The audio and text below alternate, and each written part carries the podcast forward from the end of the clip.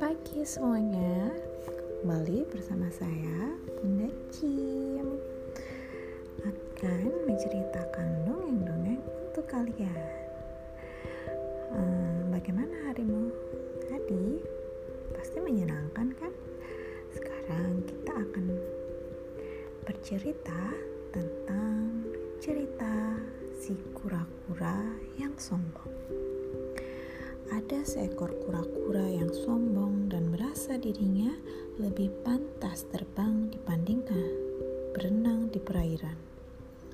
Ia jengkel karena memiliki tempurung keras yang membuat tubuhnya terasa berat. Ia pun melihat kawan-kawannya sudah berpuas diri dengan berenang. Saat